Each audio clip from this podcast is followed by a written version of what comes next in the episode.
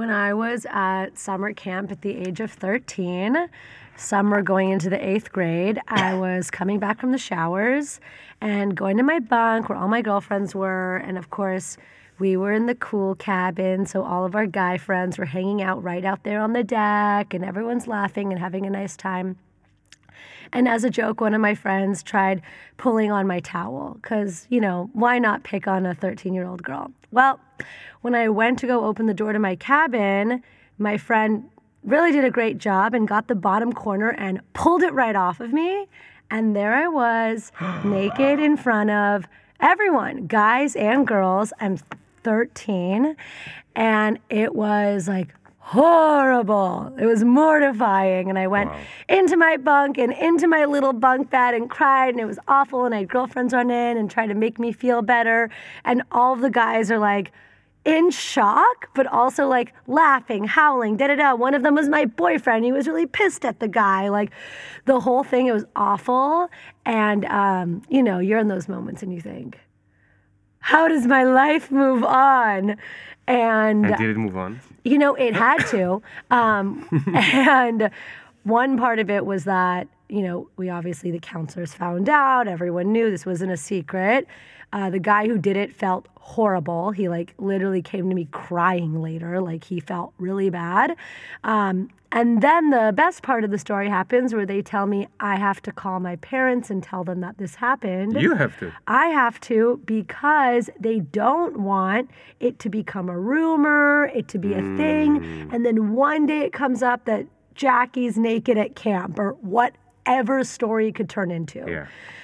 So great. Who this is in, you know, the early 2000s. Who's calling home from camp? I have to like use the landline to call my parents home at a time when I think they're home, you know, whatever. And I call them and tell them. And they're like, How do you feel? Are you okay? Yeah, everything's fine. What happened to that guy? Is he going to get kicked out of camp? How is he going to be punished? And lucky for him, he's my friend. Like, we're still friends. I actually saw him at a friend's wedding a couple months ago, and he's lovely. And he literally apologized again. yeah. And um, so, you know, it was But no one from the camp was with you on the call.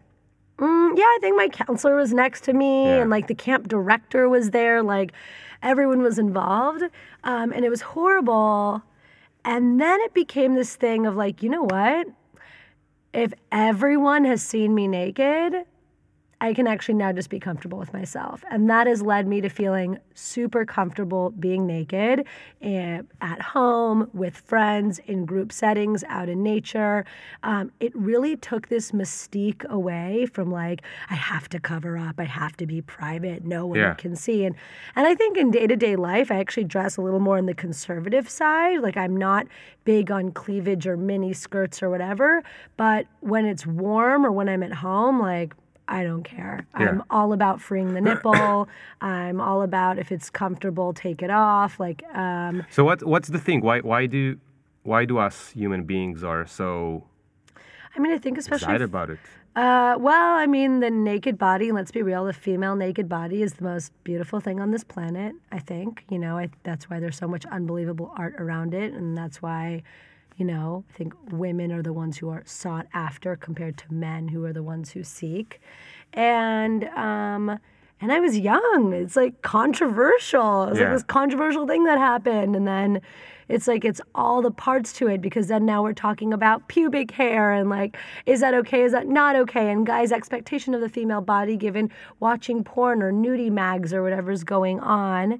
And wow, it was like unbelievable to like have this moment happen where I was able to come back and actually feel really good about myself and my body. This is kind of crazy. Like, where did you have the self confidence to to to change it like that? I th- it took a little bit of time, but it, it was one of those things where it's like, wow, this shitty thing happened, and how do I make it a positive experience? And also, like, does it matter? Why, you know, should I be shamed for the fact that someone else literally pulled my towel off? Not my choice. It's not like I consented to that. It's not, I was like, ooh, I want to show people. Um, but it was like, this happened, and I can feel really bad about it or not. Yeah.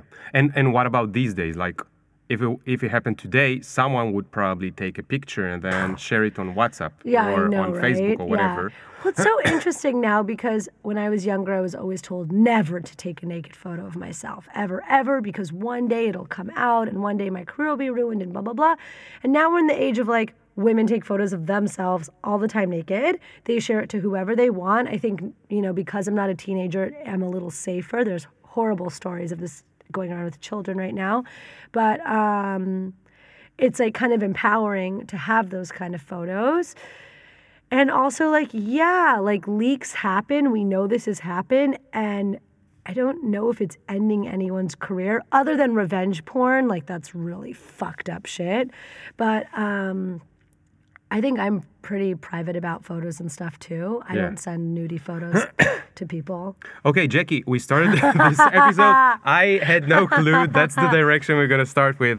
Um, Jackie, it's nice that you're now in Israel, and um, we know each other from like six years ago or something, and we haven't met for a few years, and and now uh, you came back to visit Israel and might come back uh, again. Uh, who knows? You have these uh, um, plans going on, and at that time being, you did some interesting stuff with cannabis and with women empowerment, connected or not connected to the body, uh, and a few uh, other stuff that I have no clue about, and I'd like to hear about them because the whole concept of uh, this podcast is to hear about weird stuff people are doing in their career, which shouldn't be called weird, but we still call it weird because we're trying to uh, um, um, find out, figure out how, how this world is, is moving. So we'll give the music its respect and start within a second. Yeah. Boop, boop, boop, boop. One time. Look. Ring the alarm, hot ass nigga. Big ass head so my dreams get bigger. Big campaign songs so my flows get sicker. Confidence bigger than a So what's up, drunk ass Jackie? nigga. Look, I'ma work Hey, hard. um, it's incredible to be back in Tel Aviv.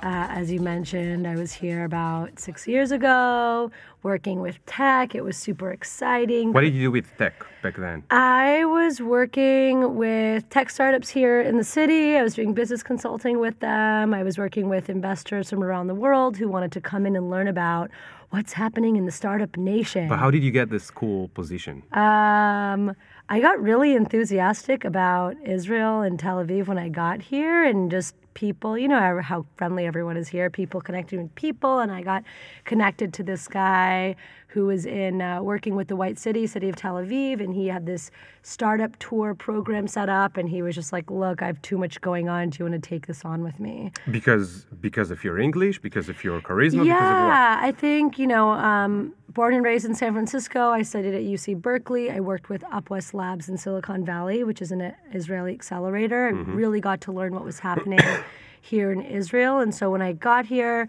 had background um, and a lot of enthusiasm for it, and then I had the credibility of being from the Bay Area. Work, Once worked with Silicon Valley startups, and a lot of people love that I left that to be here. They took it as like a personal compliment to Yeah. what they're doing. Uh, investors from around the world, I think, really like that there's a, you know, American English-speaking girl who's super crazy about this place. It's not Yeah. just an Israeli selling Israel. It's someone from the outside going, you know, I've seen some things and I really love what's happening here, and here's why. Uh, so I was doing that, and it was awesome. I was creating video content. I would go to events. I would get press passes. I would record stuff. I would interview people. Uh, Dan Ariely. So it was like networking, marketing, Yeah. uh, connecting, uh, Yeah. very vague. Yeah. so so w- what happened when I was your 23. I Yeah. was like, I want to do it all, and I don't want a full time job. and, and and and when your mom would ask you, uh, Jackie, what are you doing exactly? Oh, What- gosh, they could you do even this. answer it? Um, I could. It was long winded. She never understood, and every time we spoke, even if it was two days later, she would ask me again. yeah, because I also she didn't have the. but was she interested or worried? Oh, both. And they still are. yeah, they they're ready for me to say doctor, lawyer, banker, engineer. Yeah. You know, there's a point where I started telling my grandparents I'm in advertising because it's a, a concept that they get. Talking about, you know, global tech startups, what? You know, the internet is still a new concept to them. Yeah. So to go into how deep and then working with digital currencies and crypto companies, they're just like, what, what, what? Okay, so wait. So so you were you were uh, putting your hands in the in the startup uh, Israeli startup scene. Yeah.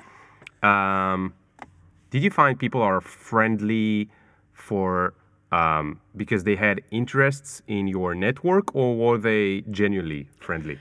I think a lot of people were genuinely friendly because I was so young. Um, they wanted to like help me get started, uh, and it was like, it was like, wow, you're here, you really care. Have coffee with this person, meet this person. I also really put myself out there. It was like Google Office just opened. They were doing all these, uh, what's it called, hackathons. They were doing a ton of hackathons. I went to a bunch of them. I met a lot of people through them. I actually was in a hackathon with this amazing group. And um, two years later, when I was in San Francisco, one of the guys from my hackathon group was at UCLA for his MBA. He met me in San Francisco. He created a company. He was looking to fundraise. I actually knew an angel investor for him who he met with, who invested, who then got him into a very prestigious accelerator, who then got him more investment. And now this is like four years later, he's going public in Australia. He's opening a New York office. Like he's really soaring high. Yeah. Um, and a lot of it was like the start of us meeting at this hackathon in Tel Aviv, me helping him find his first angel, and then that really taking off, which Yeah. is incredible because I love this guy. You know, we also go salsa dancing here. Like, Yeah. it's Israel, so you're also friends and you really get to know people.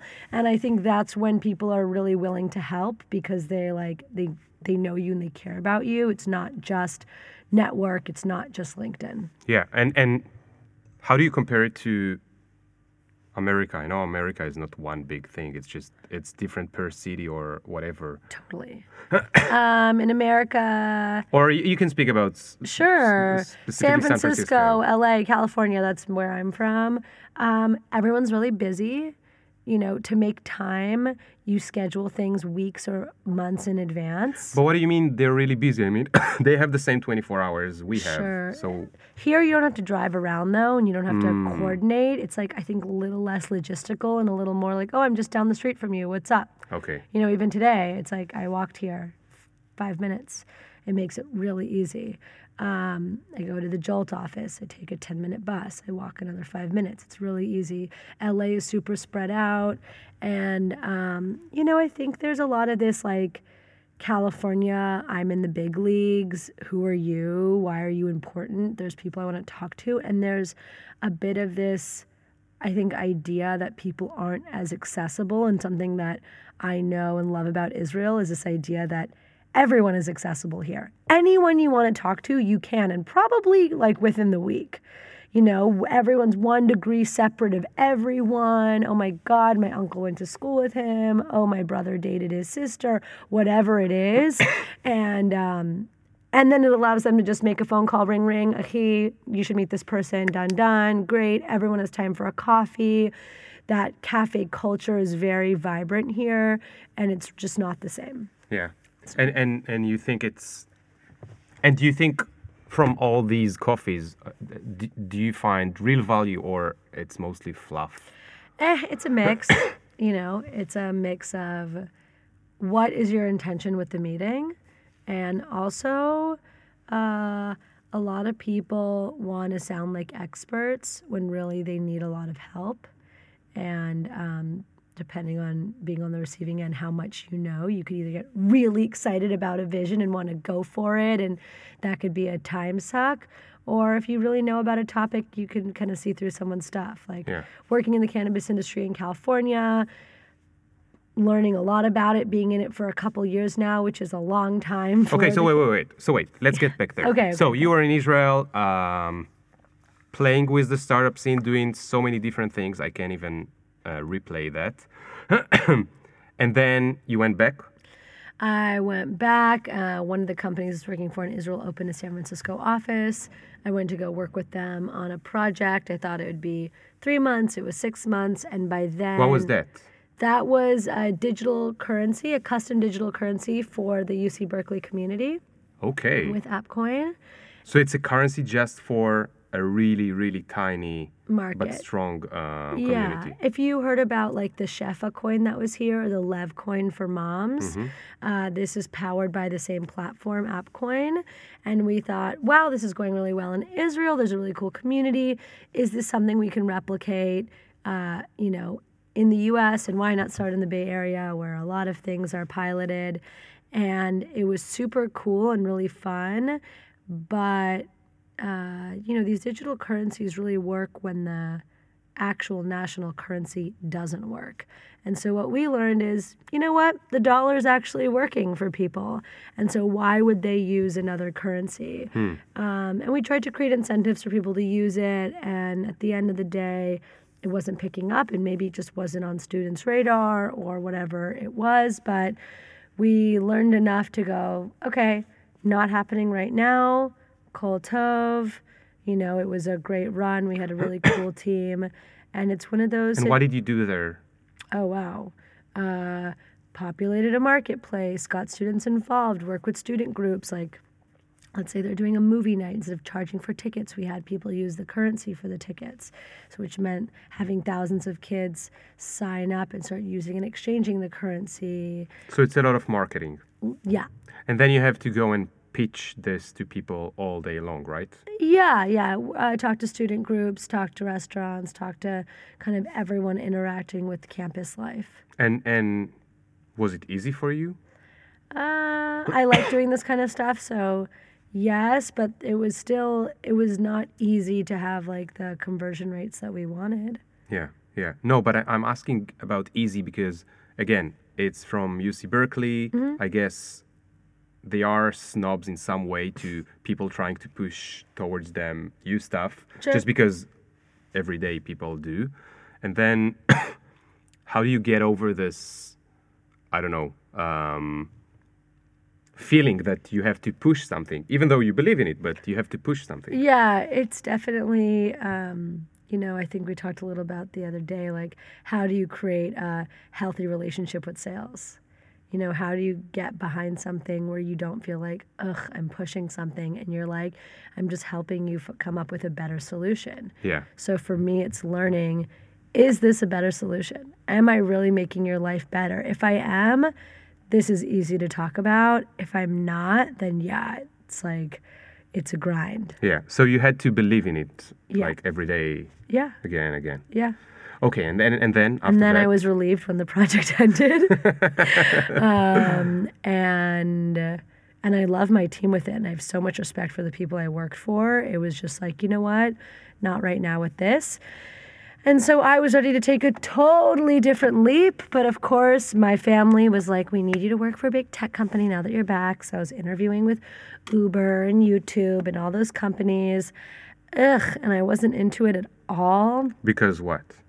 It's the same thing. You're just trying to like push and sell a bunch of stuff. Tech there isn't like tech here, where it's like a small community of people who know each other and they're interested in doing things and they're building something where they see the market is outside of their local community for the most part.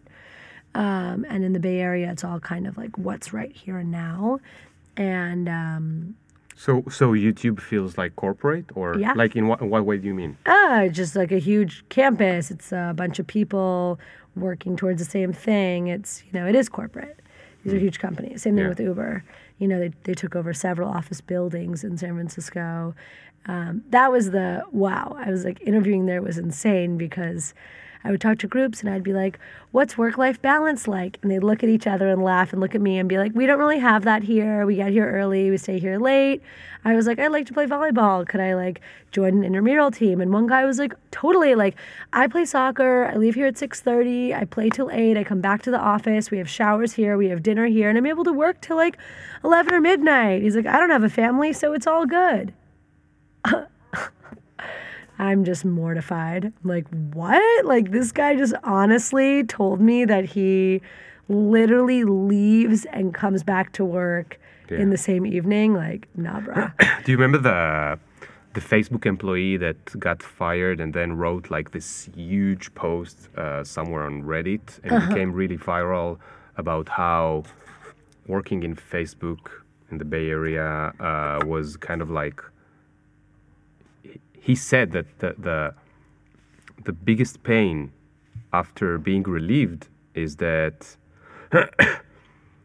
he had no life because his life was full, but the new family and friends of him were Facebook employees.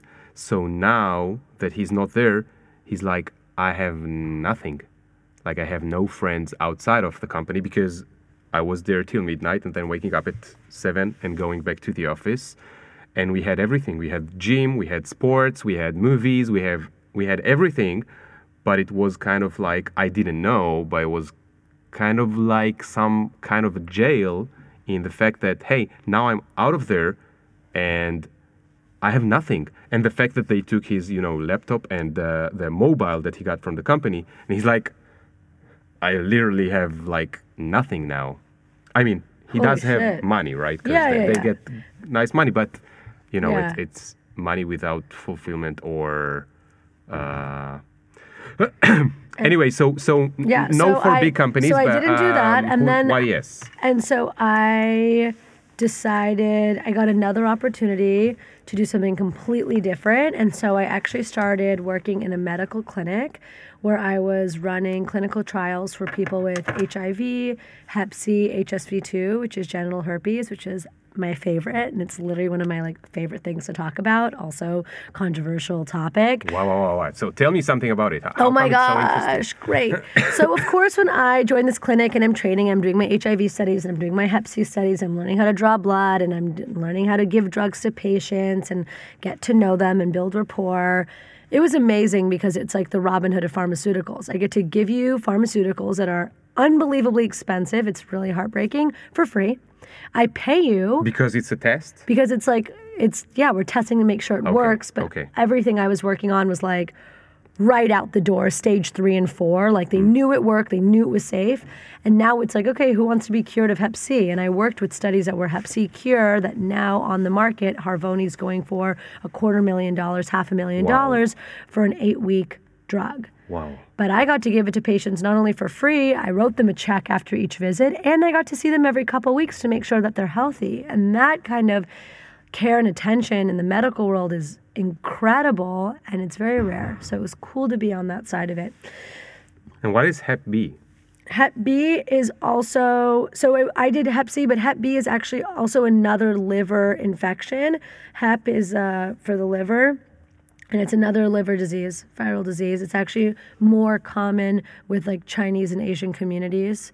Um, so that was like a whole other division of the clinic. But yeah, Hep B, Hep C, HIV, and then and then I got asked to work with on the herpes studies, which of course everyone's first reaction is like, ew, you know her- Yeah. herpes. And then I got to really learn about herpes. I got to meet with my patients who were all cool, all ages, awesome people who really did nothing wrong. They just got a rash. And that's all herpes is. It's a rash. It's in a bad place. We don't know anything about it. People think you only give it when you have it, like when you have an outbreak, which isn't true. There's, you know, viral shedding, which means you can literally be shedding the virus daily, weekly, monthly without having an outbreak. Um, a lot is happening in your body without knowing. And, um, and the stigma around it is horrible. Because if you think about it, HIV at least has a parade. People are going around saying, I have HIV, or my partner does, and I love life, and we care about each other. There is no herpes parade. There's no, I got this rash because I had unprotected sex. Fuck me. My life is over. There's none of that. People who are coming in for their herpes trials, we're the only people they told. It's their biggest skeleton in their closet. Hmm. They're afraid of getting into relationships. They're afraid of intimacy. Wow. Because they think they're going to infect someone. They're afraid of touch. They have. They don't want to tell anyone, so they would rather not even date. Because You know it's not the same in Israel, right? I hope so. I like don't know. I know a lot of people with herpes and it's like it just they just have herpes. And sometimes you see it on the lips. Okay, that's different. That's a different kind of herpes. We were focusing just on genital herpes Okay. because genital herpes, if you do have a lesion um, and you have an opening, you're more susceptible Hmm. to HIV and other infectious diseases okay. in that area. So Okay. it, that's why we focused on it because we're really like an HIV clinic. So these people would be, you say, more lonely, have less partners, and it's like a big thing in their life. huge thing in their life. Um, yeah, it's kind of like, you know, there's that hot guy who no one's dating, and you're wondering why is he still single, and he's cool, but he's maybe a little more reserved, and it's like mysterious. And then, you know, that's one of my patients, and it's like, oh, you have herpes, and you're literally scared shitless of dating people. Yeah. And it's like, oh, I could see like a ton of girls liking you and you not wanting to date anyone. And it's like, why doesn't he like anybody? And Yeah. it's like, because he's hiding something and he's scared, you know? Um, I, And and and if you'd imagine the world a hundred years from today, you Mm. think people would still, or should still hide these things? Mm. I think everyone's hoping for a medical solution for everything a hundred Yeah. years from today.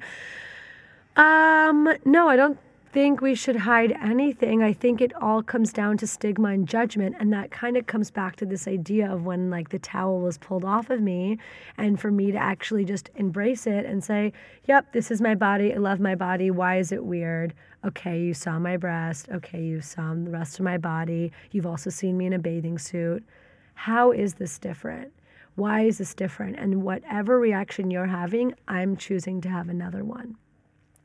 So for me, it was also working with my patients and giving them the confidence to move on with their lives. You know, um, I would have patients come in with their partners so we could talk about it so that their partners could actually learn about herpes and they could find out what they can do to be safe. Yeah. You know, there's drugs like acyclovir and Valtrex that people with herpes can take daily to not only um, suppress the, an outbreak, but also suppress viral shedding so that they're not contagious. Mm, And some people will only take these drugs when they're having an outbreak so the outbreak goes away. yeah. But you can actually take it daily so that you don't have an outbreak and you're not infectious. The worst was when people, because part of the onboarding process is um, finding out how they got the disease. This is with any study. How did you how did you get here? And you know, it's funny with it's such a different different demographic with each disease because with Hep C, it's like you know I'm with a 65 year old woman who was like 1969 was a crazy year. You know, like I got a tattoo at the age of 17 and I guess the needle wasn't clean. Like look at it, and she's showing me her arm with a mermaid on it. You know, it's just like okay, it's different for everyone. Um, and with herpes, it's a lot of like, I went on a date with this guy and he gave it to me. Or like, there's so much blame. And it's like, one, no one's giving it to you. No one's saying, I'm about to fuck up your life and give you herpes, bitch. No, that's just not happening. Most people, I think, don't know that they have it. And if they do and they have an outbreak, do you think they want to show you their bits and have sex that night? Hell no okay. And it's like, you know, I don't want to be the one to say it probably wasn't the last person you slept with. It was probably someone from a while ago, but it's only showing up now because you're really stressed out or you got the flu and it's flaring up all this immune system stuff. Like, so, So it seems like you were um, uh, some kind of a psychologist, no less than a clinic worker, uh, I wouldn't go that far, but yeah, we're like, we're people's support for sure. supporting. Yeah, supporting. not psychologist, but supporting. just yeah we're here you know a big part of the role is also building a rapport so that they come back because the trials only work if we get good data and we only get good data if people return to the clinic so we want them to have a great experience so that they come back yeah. and um, but also it's like the people who are hired to do this job care about people Yeah. it's not like oh my god i love you oh that person drives me insane it's like i care about you deeply how do we take care of you see you in two weeks yalla bye here's a check thanks for coming in sometimes that's people's only incentive like fuck it i'm getting paid 50 Yeah. or 100 dollars every time i come here um, but we like to keep good stuff. And the doctor who leads it, Jay Lalezari, is an incredible researcher and human, and he like really loves his patients, and that's what keeps people Yeah. coming back. Yeah. Okay, and then what? And then what? Ooh, and then the clinic was bought out by a private equity firm who ruined the business. It was Surprise! Awful. It's Twist. America. twist, it's America. Yeah, the mom and pop clinic where everyone loves everyone got bought out by a company who didn't care about anyone and just wanted as many patients as possible and changed up the studies to make more money. And everyone working there was like, "Er, what's going on? So I waited for my studies to be in a good place and I could train other people. And then I left. And then I went to Panama for this like thing called Hatch, which is about like global thought leaders coming together to share their projects from around the world. And I thought, okay, I need some fresh air. What's going on? What are people doing? And while I was out there, um, I was thinking a lot about the upcoming cannabis industry. This is the beginning of 2017. We knew that in 2018 cannabis would be legal in California. And I was like, what do I want to do? Do I want to open like a cafe or a dispensary or a what or a this or a brand? What does it mean? And So you started to think business and cannabis. business and cannabis, what does that mean? What does it look like? What's possible? And before I could even do any of that, I really got a phone call from a friend of mine who was just starting a blog called Cannabis Feminist. And she calls Cannabis me feminist. Cannabis Feminist. And what the hell? yeah, and she calls me and is like, "Oh my god!" And I knew she was doing this, and I was super like, "Oh, that is so cool! I love this! I'm so proud of you!" And she's a friend of mine from San Francisco, and we both went on, you know, to study at prestigious schools, and we both smoked a lot of pot, and we were both these like go-getter stoner girls. That was kind of our thing, and um, she called me and was like, Holy shit, Snoop Dogg wants to make a TV show about the blog. We haven't even done anything yet. She was ho- starting to host women's circles. I host women's circles. Okay, cool. What do you mean host women's circles? Literally, we would bring women together every other week to talk about our relationship to cannabis and why we choose cannabis. And really, But the, why, wh- how how does gender has or like feminism has to do with cannabis? I don't get it. ah, great, great question. Explain to me like I'm a man. Yes. Okay, so one, cannabis is a female plant and it's been illegal. It's been hidden, it's been destroyed, it's been it's caused life and death situations and we are here to free this feminine plant, but also the stigma around cannabis is that guys do it. Hmm. Stoner dudes smoke pot, eat pizza, eat cookies.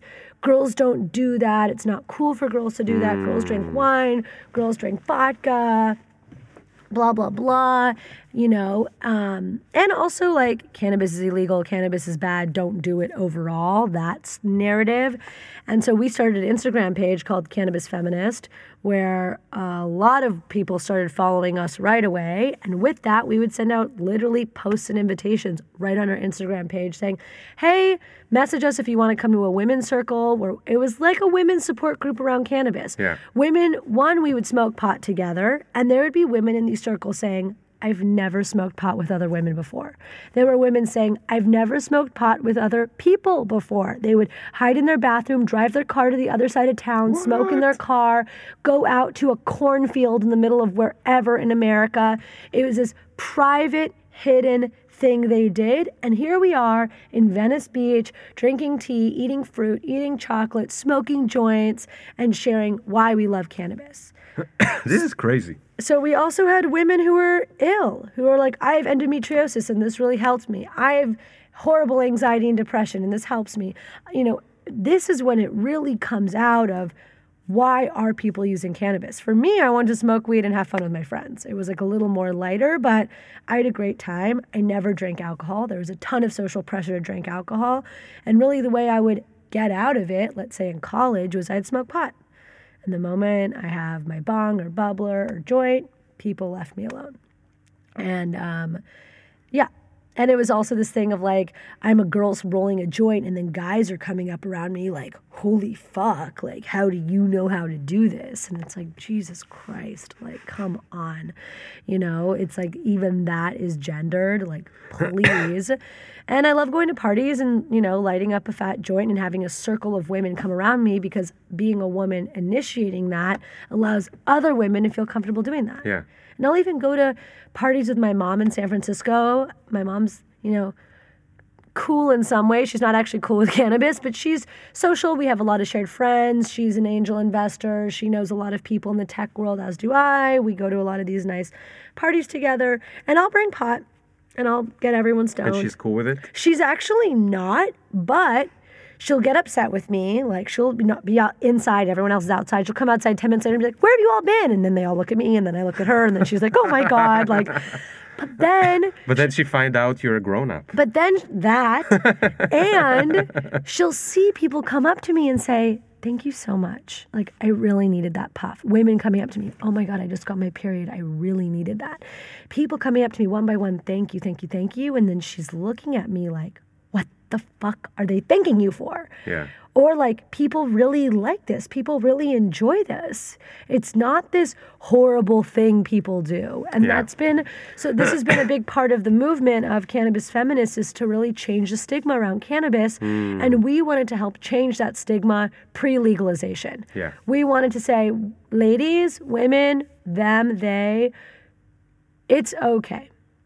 It's fu- it's funny. I, I told you, explain to me like I'm a man Mm-hmm. because it's funny or not funny at all how much men sometimes don't even imagine the corners that are um, an issue for uh, uh, women. And because, and, and, and I'm not talking about chauvinist men, Yeah. I'm talking about nice guys like me. okay? Totally. And then at some age, you find out that girls are afraid just to walk down the street when it's night. And you're like, it's Tel Aviv. And still, they are afraid, and, and sometimes it's not even, not could not be um, explainable, but it's just there, the fear. Or they fear uh, going into elevators when there's a guy in there and they're alone. And, and some women are. And you're like, I would never imagine that it's even an issue. But then they are, well, I can explain it, but here, here's the thing. Or they've been traumatized, or something's happened to a friend of theirs. You know, I have a. Yeah.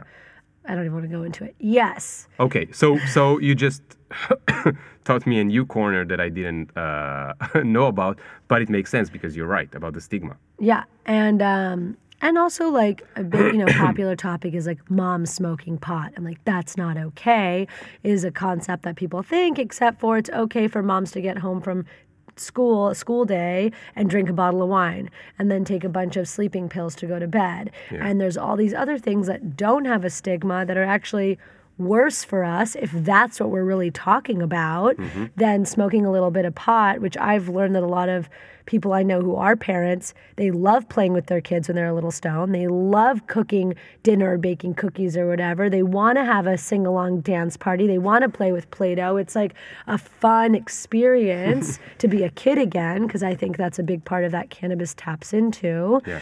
and um, Okay, and, and other women circles. Yeah. Um, you went deeper to the cannabis uh, industry. Yeah, so then we started hosting these events called the Bake Sale, where we would actually partner with female led brands. We would take over beautiful homes in Beverly Hills and West Hollywood, art galleries in Venice Beach. We would set it up with all these different brands, and we would have people from our community come in, learn about the products, try the products, and either buy or find out where which dispensaries they can buy these products from. So, super cool time to just be in a place where women who want to touch and try and smell and learn and ask a million questions could do that, not in an environment where they feel rushed and not in an environment where they don't know the person. Hmm. Some people are still intimidated by the dispensary experience where they have to get in, they have to know what they want, they have to buy it, they have to get out. And this was very cocktail party vibes. Where they like could- a pop up. It- literally, it was a pop up cannabis party. Um, we would have, you know, music playing. We would have someone doing Reiki on the side. Like, we kind of had it all. Um, good food, massage table where they're doing cannabis massage with like Apothecanna oil and lotions. It was rad. Um, we had a great time. And this is once again pre legalization. So, like, what we were doing, there was no law around it. So, we're like, yeah, let's bring everyone together and do this. Now we couldn't do it. Now you couldn't do it? Now we couldn't do it. There's not the permitting is insane, the location, the approval, the da da da da da. So we really took advantage of this time of like, okay, we can kind of do whatever we want, yalla, like let's do it.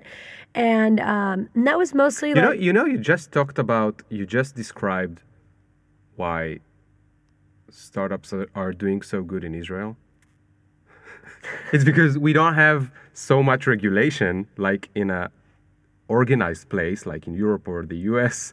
And for for the the Israeli startup nation is, is like the, the startup scene is a lot of the things are like pre-legalization. So we do a lot of things that in if we were Americans or Europeans, we would think, hey, we're not allowed, we don't have the permit, we don't have the regulation, whatever. But because there's not enough laws here and no one knows how to deal with a lot of shit, we, we're just, uh, let's do it before someone is on us. And then we go to the US or to Europe to, um, to try and be global. And we start there by being, you know, like not telling anyone that we're doing something illegal.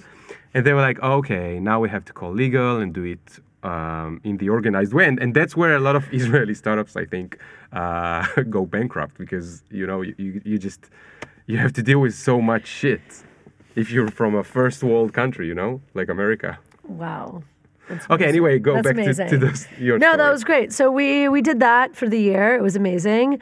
And then it comes down to like how do we turn this into a business and what do we want to do with this? And uh, my partner and I want to do different things. She really wanted to come out with like a product line, and I really wanted to keep working and supporting female cannabis entrepreneurs.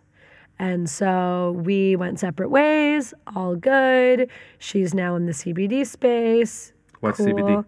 Uh, CBD is a cannabinoid found in the hemp and cannabis plant. It's what's legal around the US using this plant, and it helps with inflammation. Um, there's now more coming out that it helps with. It helps for epilepsy as well. And um, and it's a bigger marketplace because it's legal in all 50 states. Uh, though what is legal isn't as potent as uh, what is legal in only certain states, which is, you know, uh, CBD derived from cannabis versus CBD derived from hemp. CBD derived from hemp and that's sold around the U.S. has trace trace amounts of THC in it, barely any. THC is the psychoactive cannabinoid that gives you that high sedative feeling, what people want from weed, what the way weed has been uh, cultivated and, you know, grown to have a lot of THC so you feel that really strong high feeling plants that are cultivated to have a lot of CBD, you don't feel that psychoactive high, but maybe you have um, reduces inflammation, which reduces pain, which helps with arthritis, which whatever. Um, but what helps the CBD become actually active, very active, is having THC in it. So if you're removing the THC and you're just doing CBD, not super potent, but it's legal. Yeah. And it's what's you know, becoming a new multi-million dollar industry, billion dollar industry in the US. So a lot of people are turning their attention there. Okay. So she went there. So she went And you? there, and I actually then kind of turned a little more inward and created a community for women who work in the cannabis industry. So it went from more, let's say, B2C, just talking to all women, to B2B, working with women in the cannabis industry. So hosting monthly women's circles for women who work in the industry, a way for us to share who we are, what we do, what we're working on, what our challenges are, what we're excited about. It's called Cannabis Circle. It's in Los Angeles. We host circles the last Wednesday of every month. I'm flying back to go to my circle next week. And um, it's been an amazing way to really create community because what we're learning is, you know, there are women in the industry, but there's still significantly more men. And we there's a bunch of events around the US and California, around the world that we go to. And isn't it nice to run into someone where you actually feel a close connection to them and not just some other networking event or some other, oh, hey, I know you from the industry, but a lot of cool people are in the cannabis industry. Shock. And so it's nice to have touch points with people where you can actually really help their business because you believe in them and also you really know them Yeah. as people. So, um, hosting those events, and then that has led to kind of more consulting work, working with other brands, putting on bigger events for brands, helping doing marketing for brands, research, you know, for product development with brands. It really And and they find you, or you find them. it's a mix. A lot of it is like I, I also do payment processing with companies, and What does it mean? so, ooh, uh, because cannabis and CBD are, it's interesting because CBD is technically not federally legal, but because there are still strong regulations on all of these things, they don't do the same banking and payment processing. It's still considered high risk. Hmm. Banking is actually impossible for cannabis in California slash the U.S. It's like a whole Banking, you mean like getting loans for your business? literally or- putting money in a bank account hmm. because all the banks are federally regulated. Cannabis is not, so that's illegal. It's still seen ah. as drug So you money. can't come to the bank saying, "I'm opening a business uh, with cannabis." You will not get an account. No, so a lot of money is literally being driven around in vans and then hidden in warehouses around wherever. It's a really fucked up situation. Um, but even Even though the cannabis is legal. yes. Ah, shit. because it's just state legal, it's not federal legal. Even CBD, which is federally legal, is still considered high risk, like firearms and porn, and people won't do payment processing for it. So I also work with a payment processing company. And so when I'm at my events or whatever, I always say something like, and if anyone needs help with payment processing, I'm happy to help you. We have great rates. It's really easy. And but how did you do the payment processing? I met people in the industry who were like, you know, a bunch of people. We have an amazing solution. Why don't you help us with deal flow? Got it. Which is like a lot of the consulting work I do is really like connecting and helping with deal flow. That's why I love doing fundraising for companies. I'm right now helping startups make fire pitch decks, like really great pitch decks, so that they can fundraise or do their financial reporting or whatever it is, because I know people who do this work very well. And I like to be out in the world meeting with people. Yeah. So it, it really goes hand in hand. Yeah. And it doesn't feel like a salesy role because it's really a solution people need. And I have a relationship with these people where there's Yeah. like a lot of trust So and it's, it's connection. if if I have to describe your i from a different angle your place in the in this new world is things are changing so fast that um, it takes time to the government or to the federal uh, um, I don't know what you call it um, to get the laws in place to get regulations in place. And people these days are not waiting for the regulations. They're just like, I have something new that I want to buy or pay for or use or enjoy Or sell. or sell. I want to sell this. Yeah. I know there's a huge market, Yeah. and they are taking on a huge risk because I have friends who invested whatever a quarter million dollars in creating a edible CBD product that tastes like nothing and is amazing. And then the day after they launched it, the regulations came out that said edible CBD products are illegal. ah, shit. boom, you just lost everything you've been working on. It's like, oh, this is our beautiful cannabis flower in this gorgeous glass jar. And then the next month they say everything in jars like that isn't compliant because it turns out they're not child safe. So now you have dispensaries having flash sales where they're trying to sell literally everything off the shelves because they invested in product hmm. that in July 1st will no longer be able to legally sell. Yeah. So now an eighth that would be $50 is now $5 because they're trying to get whatever they can. Yeah. And if you're a brand who just invested in whatever 50,000 units of new packaging and guess what all of that packaging now isn't compliant, you have to throw it away. Yeah. You're fucked. So that's like the the. it's sorry that I'm being entertained from the situation. I'm not happy that people got uh, bankrupt or something, but I'm saying that it's an interesting way to to look at the things that are happening now. Industries are going way ahead of the governments, and it's happening in many places. Like, um, you know, Crypto. who should take crypto or who should take responsibility for fake news in Facebook? Is it Facebook or is it the government saying what and what not should be legal on social networks? And then what happens is on the way, we need more glue or bridges to to survive this era. So what what I was trying to say is that you you were kind of this bridge, one of the bridges uh, um, that would let people do it, even though it's still a huge mess? Uh, a lot of it is coming up with solutions to the huge mess and also being legally compliant. Like, even doing the payment processing, it took us four months to get up and running because we needed to stay compliant because we don't want to get screwed over at the end and we care about the people we're working with.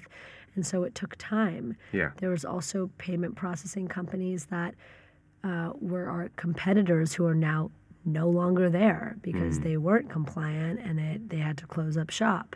Or they saw, you know what, this is way too risky and we're not going to keep working in this space. We've had other payment processing companies pop up because they're going, we actually already do payment processing and now we're willing to take on the risk and do this as well. Yeah. So it's an ever changing space. You know, it was interesting when starting Cannabis Feminist and we got all of this press and all, you know, a lot of media coverage and it was very exciting and people thought, you know, me and my partner were rolling in dough. And it's like, no. And people now even think, oh my gosh, you were doing this from the get go. You must be super successful. And it's like, one, no one is making money off of cannabis. Let's not even like pretend like people are getting rich off of this. Drug lords are getting rich off of this. The black market is doing great because they don't have any of the regulations. They're Yeah. doing what they want, which is a huge threat to the legal market, which is a different topic. But um, first movers advantage in this space where things are so volatile isn't really an advantage. You know, we're seeing ease, which is like raised $100 million or whatever to do um, deliveries. They fired over half their staff two months ago. MedMen also isn't looking that great. The stock market was crashing in December, like in the cannabis space in, Right. in Canada and the US. And so people are learning from the big first players, but there are no clear winners at all. Yeah. The space is up for grabs. There are people definitely in stealth mode right now. Raising real money is tough because really big investors who can make a huge change in the industry want to see more change happen first. Yeah. They want to see more of the market come up before they're writing checks, you know, $500 million and more that can really create a splash. Jackie, can I ask you a, a, a funny dead question? Sure. Did you ever? I'm asking it because uh, um, a lot of the listeners might have some stigma on the cannabis industry, uh, not the black market one. So here's my dead question: um, Did you ever met anyone shady while being in this market? Um, Capital, yes. Y E S, yes, exclamation mark. what do you mean? Well, a lot of people who have been doing this underground for their whole career 10 years, 20 years, 30 years they are thinking, this is my chance to become legal. Hmm. I'm going to come up from underground. I'm going to say, you know, I've been either growing for years or I've been distributing for years, aka dealers. I've been, you know, doing this and now I'm ready to be out there and make real money off of this and not be scared. And these are some shady motherfuckers who had to do some shit to get where they are. Um, And did you have, like, did you have to, I mean, be in contact with them? No, because I uh, the LA market is very just like consumer facing and very like media and very uh, fluffy. But like the real industry, like what's really going on before you're getting to the dispensary, is still dealing with all this stuff because even though it's legal, it's really tough to be compliant and they're not helping anyone. I mean, if even if it's legal, if you don't have any place to put your cash and it's a full cash market, it's shady. It's Yeah. still like totally scary. Yeah. So I've, I mean, I've met these people in passing. Um, I guess I've had some sit down meetings with them. Um, and I remove myself from the situation. And luckily, I don't have to work closely with them. I also know um, lovely people who've been totally ruined by these people. I have friends with legal grows where they'll show up one day and they'll see that all of their plants have been cut and all of their trimmers are dog tied with tape on their mouth and everything they've invested in for the last year is just gone. Their entire facility is raided. That happens. Because they were. Um, Someone found out where their grow was. Yeah. It's like this is still definitely happening. There is still a very, very dark side. I mean, there's a lot of what they call trimmigrants, people who come into town to trim weed because Burning Man ended, or they're traveling to California, or it's this dream they're going to be on some beautiful weed farm. And what it really is, is a lot of foreigners going there to do illegal work because they can't get papers. they're trimming weed, they're making money, or they think they're making money. And at the end of the season, they're killed. And that's it. And they're not going back home to give anyone money because no one knows where they are because they're in an illegal grow. And now there's no trace of them, anyways. No one knows where to ask for them. And that's it. And that is still going on. And there are documentaries about this. And this is like a real and dark side of the industry for sure. And so I don't want to get personally involved in that. And this is real. And there are huge cannabis brands out there or uh, companies that work in the industry. Maybe they're not selling a product, but they're an online platform where they are led by people who made a lot of money through the illegal drug market. And that's how they fund it. And you're wondering, wow, how did they raise all this capital to create this? And it's like they didn't raise it.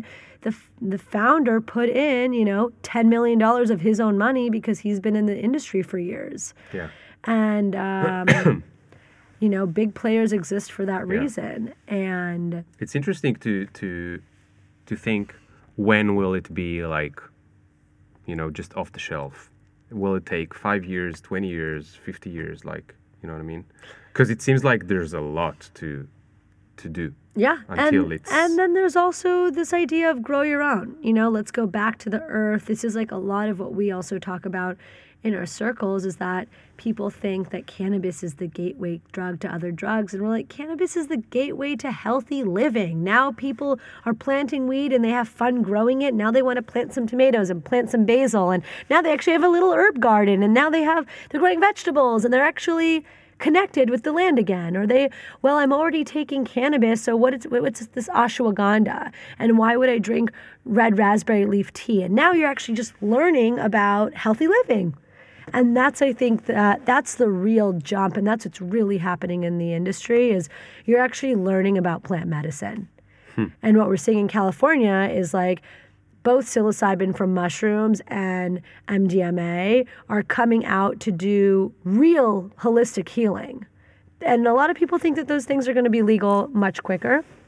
Um, I just posted on my Facebook that there is a nasal spray made out of cocaine that now was FDA approved. What? Yep. It helps with uh, pain and this and that. And it's because cocaine is a Schedule 2 drug, not Schedule 1, the way cannabis and heroin are in the US. And so, with a Schedule 2 drug, you can still do clinical trials, you can still create pharmaceutical drugs, you can still put them in the marketplace. They have different regulations. This is crazy. It's insane. So, um, and I think another part of the stigma is people thinking, well, it's illegal because the government cares about us, and it's illegal because it's bad for us. And what we're learning really is it's illegal because of regulation and taxes and money, and not really because it's bad for us. It was. Reagan. Who was it that uh, Drug war, war on yeah. drugs. Yeah, yeah. Started this whole mess? Yeah. I mean, it was started before him when they made it illegal in the 20s Yeah. and 30s because it threatened pharmaceuticals and plastic industry because you can make literally everything with hemp Yeah. and you can cure a lot of diseases with cannabis and that's when they changed the name from cannabis sativa to marijuana so it sounds like some scary Mary and Juan Mexican names and it's this horrible drug that's being brought over the border by brown people and when this was voted to make marijuana illegal most people didn't know that it was cannabis so once it became illegal there was all these doctors who were like what you're taking cannabis sativa off the shelf why you know, it was majorly used in in the pharmaceutical world up until this point. Yeah. And so that's pretty fucked up. Um, and these are the type of conversations that we're having to women who were curious. This isn't just, oh, I smoke weed every day, let's talk about it. Yay. This is also women who are like, what is this? Or people recommended this for me and I don't know. And, you know, I, I had girlfriends who would be majorly depressed and they would smoke weed just so they would eat again. And I think, I guess one of the bridges I want to make is when I was working doing these clinical trials, what I learned is a lot of my patients are using cannabis to supplement what was going on in their life. If you have HIV, you need to take your drugs three times a day with a meal. But if you have no appetite, how are you going to eat that meal to take your drugs? You're not. And then you're going to literally die. So people would use cannabis just to get the munchies so that they would eat a power bar or their lunch and then they can take their drugs. Yay. We had people who were so ashamed of having hepatitis C or herpes that they would use cannabis to just chill and relax and not feel like shit about themselves. Yeah. You know, it was a whole range of me seeing, oh my God, people really need cannabis. Yeah. And yalla, I'm going to go And, start and one of the things that we, we should mention as well is that it's not as if if they didn't take cannabis, they did nothing because for a lot of them, there's the other solution which is legalized but is much more addictive, etc., which is the medicine, the drugs. I mean, I'm not saying drugs because in Hebrew it's really funny. In Hebrew, drugs means non-legal. Um, I mean, non-legal medicine. But in in America, drugs is both Yeah. drugs and Drugstore. Just drugstore. yeah. so for us, always when you're young and you go to America, you're like drugstore. What the fuck is going on? And you're like, okay, it's uh, acamol and, and uh, dexamol. But what I'm talking about is the psychiatric uh, drugs, all the opiodium. I can't Yeah, remember the name. And um, the taking away your stress uh, medicine. A lot of which is like a huge thing in America, Yeah, right? yeah. A lot of my patients would be on antidepressants um, as a part of their regimen because they would be depressed from having a disease. Yeah. Um, and that also, as we know, has its own effect on the body. Yeah. and it's very addictive. and Um, people literally die from it. Yeah. Yeah. it's addictive. It's really hard on the organs. These drugs are already hard on the organs. Um, yeah, it's really tough. Yeah. And that's why it was amazing to see cannabis as a solution. And um, Okay. Mm-hmm. What other than that? Other than that, Um, I, I remember seeing something, uh, maybe you posted about empowering women, but it wasn't about cannabis. It was maybe about your body or. Ah, yes. Um, okay, so what I've learned from all this is that I really uh, love and care about women and I love and care about our bodies.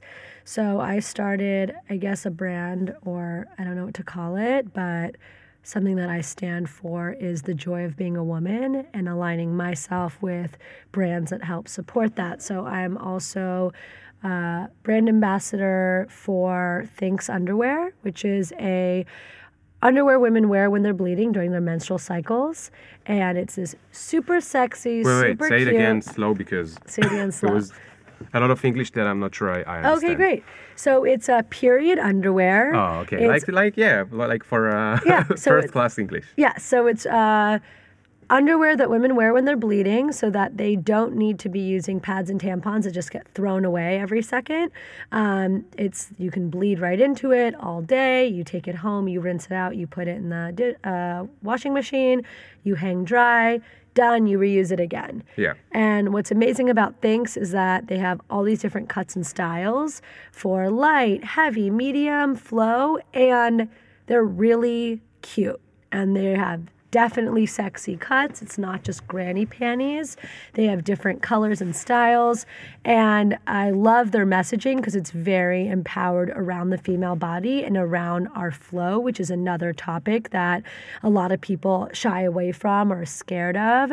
And, you know, we're all here because of our fertility cycle, literally. Like everyone is here right, Right. now because their mom didn't have a period, could have had a period, didn't, and now we're here. And in the meantime, when we as women are not pregnant, we are bleeding. Yeah. And so, And somehow it became something you should be ashamed of. and somehow it became something you should be ashamed of because it's dirty and it's smelly and it's still huge issue around the world. There was an amazing uh, short documentary that won the Academy Award last year called Period End of Sentence, which is about women in India who pretty much stop going to school when they get their period because they don't have bathrooms to go to, they don't have pads to change, they don't know what to do with their pad, they're really embarrassed if it leaks. And what the documentary was saying is in India, the period is seen as a disease that women have, and women are really ashamed of it. And This is, you know, this is crazy. Mamash. Like, you know, we talked before about people with uh, Hep C or herpes. Okay, I don't know what's the amount of them in the population. Maybe one percent, maybe half percent. I don't know. I have no clue. But with periods, it's like hundred percent of women, and it's not like you have it once when you're 15. It's like you have it for 40 years, right? yeah. once a month. And how come something that happens to half the population, women, every fucking month is something that We we, never from. talk about loudly and we are ashamed of and we're like have to go and and uh, be away in the toilet and and you know take care of yourself because because it's, it's it's like it's it's weird Yeah. Yeah, it's a big issue. And this is one of the things that I then love talking about and leaning into um, because we shouldn't be ashamed of it. And that conversation starts with women. I mean, one, there's educating men on it, which is something that I also love talking about. But really, it's like, what it comes down to is actually coming up with a way to handle and take care of our periods that feels good, which we don't know how to do. A lot of women every month feels like the first month. I didn't know I was getting it today. Fuck, it's day one. I'm in a lot of pain. Okay, I know to take Advil, but I'm bleeding a lot. I need to change my tampon this often. Fuck, I'm out of tampons. It's like all these factors. And what I love about Thinx is okay, I have five pairs. I'm just going to grab my day one ones. I know which ones they are. I put those on. I'm fine. I have a hot water bottle that I like to put on my womb. Great. I also like wearing a Diva cup, which is a silicone cup that you put in and it collects the blood and then you, hmm. oh, it's the best. And then you pull it out, you rinse it out with soap and water, you put it right back in. No waste. It's great. A lot of people are also embarrassed to change their tampon and then leave their dirty tampon or pad in someone's garbage at their home. So this is a great solution because there's no waste. You clean it, you put it right back in, all good. You keep going with your life. I like it because I don't have to keep buying stuff and I'm not creating waste. Yeah. But it's like I have my Diva cup, I'm wearing my Thinx underwear, I'm good. And then by the last two days, when I don't want to put things inside my body, I can just wear this underwear. Done and done. So I have it- a discount code for anyone who wants it. okay, okay, Yeah. okay. Yeah. We'll bring it on. So- um, um, do you think my daughter, when she grows up, she won't be, be that embarrassed about her period? Yeah, I think, um, you know, I'm not the only woman talking about this. And specifically at Thinx, they have like a Thinx Leaders program, which is thousands of women around the world who are all given a code to sell the product, but really like given a platform to talk about it. And I think right now it's already changing. I have a cousin who's 14 who she went to learn about things, and we had a phone call, and I was trying to empower her around it and tell her about it. She's like, oh no, this is totally fine. I talk to my guy friends. I tell them when I have my period. My friends know. It's totally a thing I talk about. I'm not ashamed. Like, whatever. And she lives in Austin, Texas, which is cool. But she's like, yeah, no big deal. That's cool. Yeah, she's like, I just want something so I can go to dance because I don't like dancing with a tampon in. And I'm like, oh, okay. Because I'm like, it's okay to have a period. Like, it's okay Yeah. to talk about it. She's like, yeah, I talk about it all the time. and I'm like, oh. And she's an outgoing girl for sure. But I think having more mothers who are like, you know what? We're not continuing with this facade that this is a bad thing is influences the next generation to say this is normal. Yeah. It's like I know mothers who show their kids their cannabis and say this is mommy's medicine or this is daddy's medicine. And it's not for kids and mommy's now going to go outside and take her medicine. And kids are like, "Okay, when I have a sore throat, I take my medicine and when I'm sick, I take my medicine." And it's not um, an issue. You know, there's an amazing doctor in Vermont. um, His name is escaping me, and he helped write a book about a little girl whose grandpa plays an accordion, and he stops playing because he gets pain in his elbow and wrist. And so, mommy and daddy grow the grandpa medicine plants, which is cannabis, and they make him a cannabis solve, like a cream, where grandpa can now put this cream on his arm and elbow, and he can play the accordion again, and the little girl can be happy. And this is like what the book is about. It's a children's book about cannabis. And having more parents to explain cannabis, periods, you name it, with their kids and make it normal is what helps change the stigma. Yeah. Getting more films out here like period end of store end of sentence great because we're saying it's okay and what this film is about is these women who are learning who are starting their own like micro factories to make pads to sell to women so that they can change their pads and keep going with their lives Yeah. because another issue is because there's no pads, they're using old dirty rags that are literally dirty in their underwear and they're getting sick and diseases. And then they go throw them in these empty pits because it's India, but then dogs are finding them because it smells and they're taking them and they're bringing them back into the home and into the street and it's just a disgusting situation. Yeah. So, yeah, you know, we have our first world problem of it of like, ew, tampons are dipped in all these chemicals and then we're putting those chemicals up our vagina and did you know that cotton actually tears our vaginal walls and it's not soft and nice for us the way we think it is so now we came up with new solutions that are saying this is sustainable, this is safe, this is clean. You know, these silicone cups can't absorb bacteria because they're silicone and the molecular structure won't let it happen. Great. Um, and then it's also saying, you know, it's okay to talk about it. Yeah.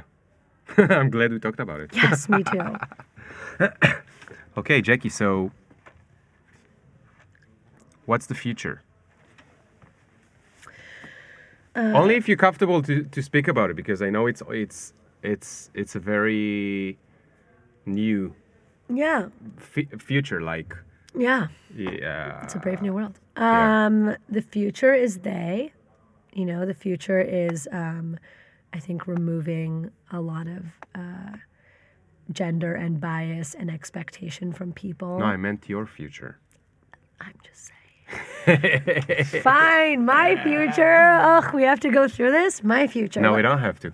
We don't have to. I don't want to be your uh, the the annoying person. Yeah. I I promise to bring you here just because I said I want people in the middle of the Yeah. uh, ladder. Okay, so let's let's leave it. Uh, you know, No, we can. vague. We can leave it vague. I think, short note, my future is deep diving into something where I can put all my attention into it. Right now, it's been really fun doing a million little things, um, but I'm also fatigued by it. And um, I'm excited to come back to Tel Aviv. And I want to be hosting dinner parties, interactive events, bringing together artists and chefs and creating experiences. I have a lot of energy when I'm here and I want to put it out into the community and create something cool. And, um, and I don't really know what's like if you're This is great. yeah You know, we, we talked the other day about the the fact that in this generation, people are going to uh, interviews and they're being asked by HR, like, where do you want to be in 10 years? And you're like, what do you mean? Like, who knows? I don't know where I'm going to be in three months. You know, I had a friend ask me a couple months ago, "What does March 20th look like for you?" Like, if I could envision where my life would be then, and I couldn't, and I got really upset and I cried. I was just like, "Oh my god! Like, where is it going?" And it's okay to not know, is what I've learned and created for myself, and also like how do I feel really good about the future? And I think what I want now more than ever is a team to work with hmm. and not just be doing the solopreneur thing. yeah. Um, even though cool opportunities approach me a lot, and in some ways it's really fun to just do my thing and give my deliverable and yalla bye, and this is great, and what's next.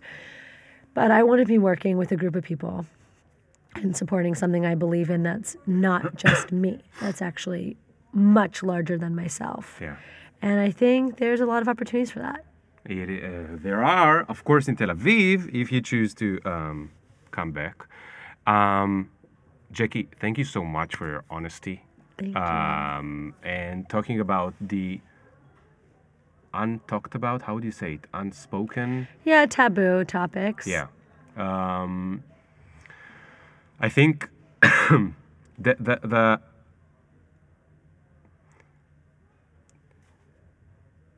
just stopping sometimes and thinking about taboos, just doing that makes you feel how stupid those taboos are.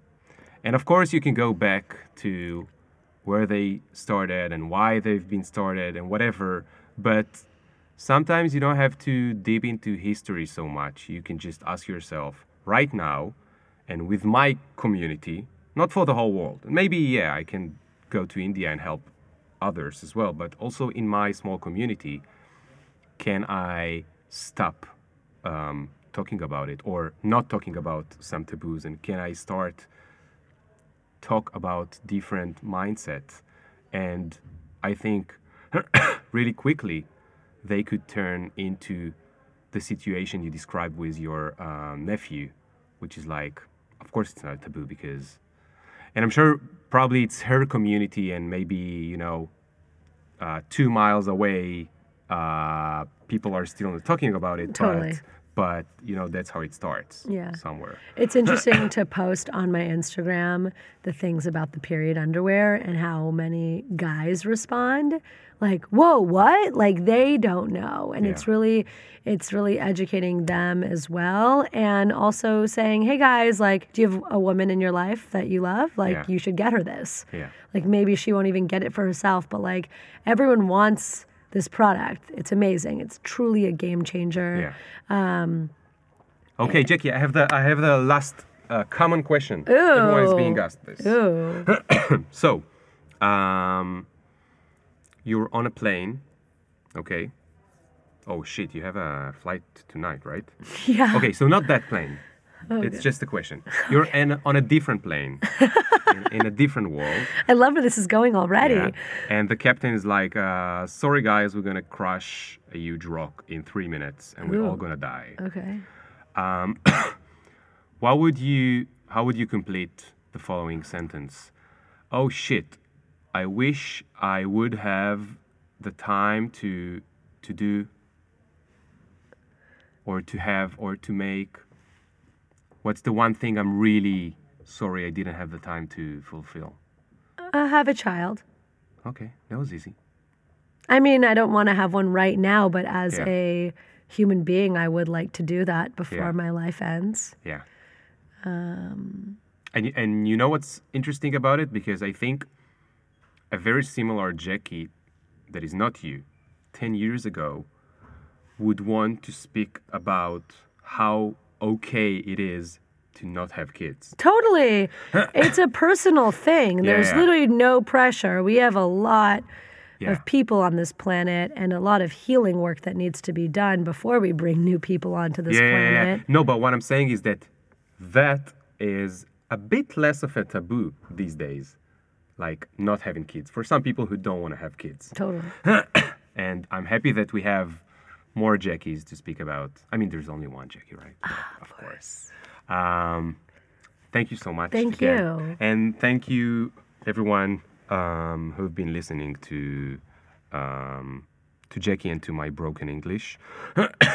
Till next time. Uh, this is episode 140 and something, three, four, five. I don't know. Yeah.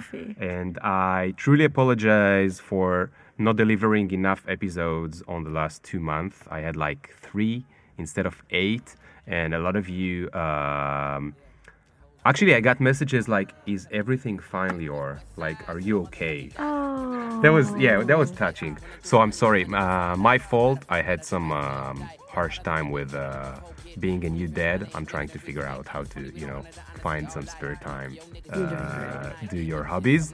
Um, until next time, Did you get my bye bye. Do you even fuck with a nigga like me? Will you want me in about three days? Really? Cause every time a nigga talk, they can't see the big up picture. Fuck your filter. Me can't go run, but me can't repeat. No.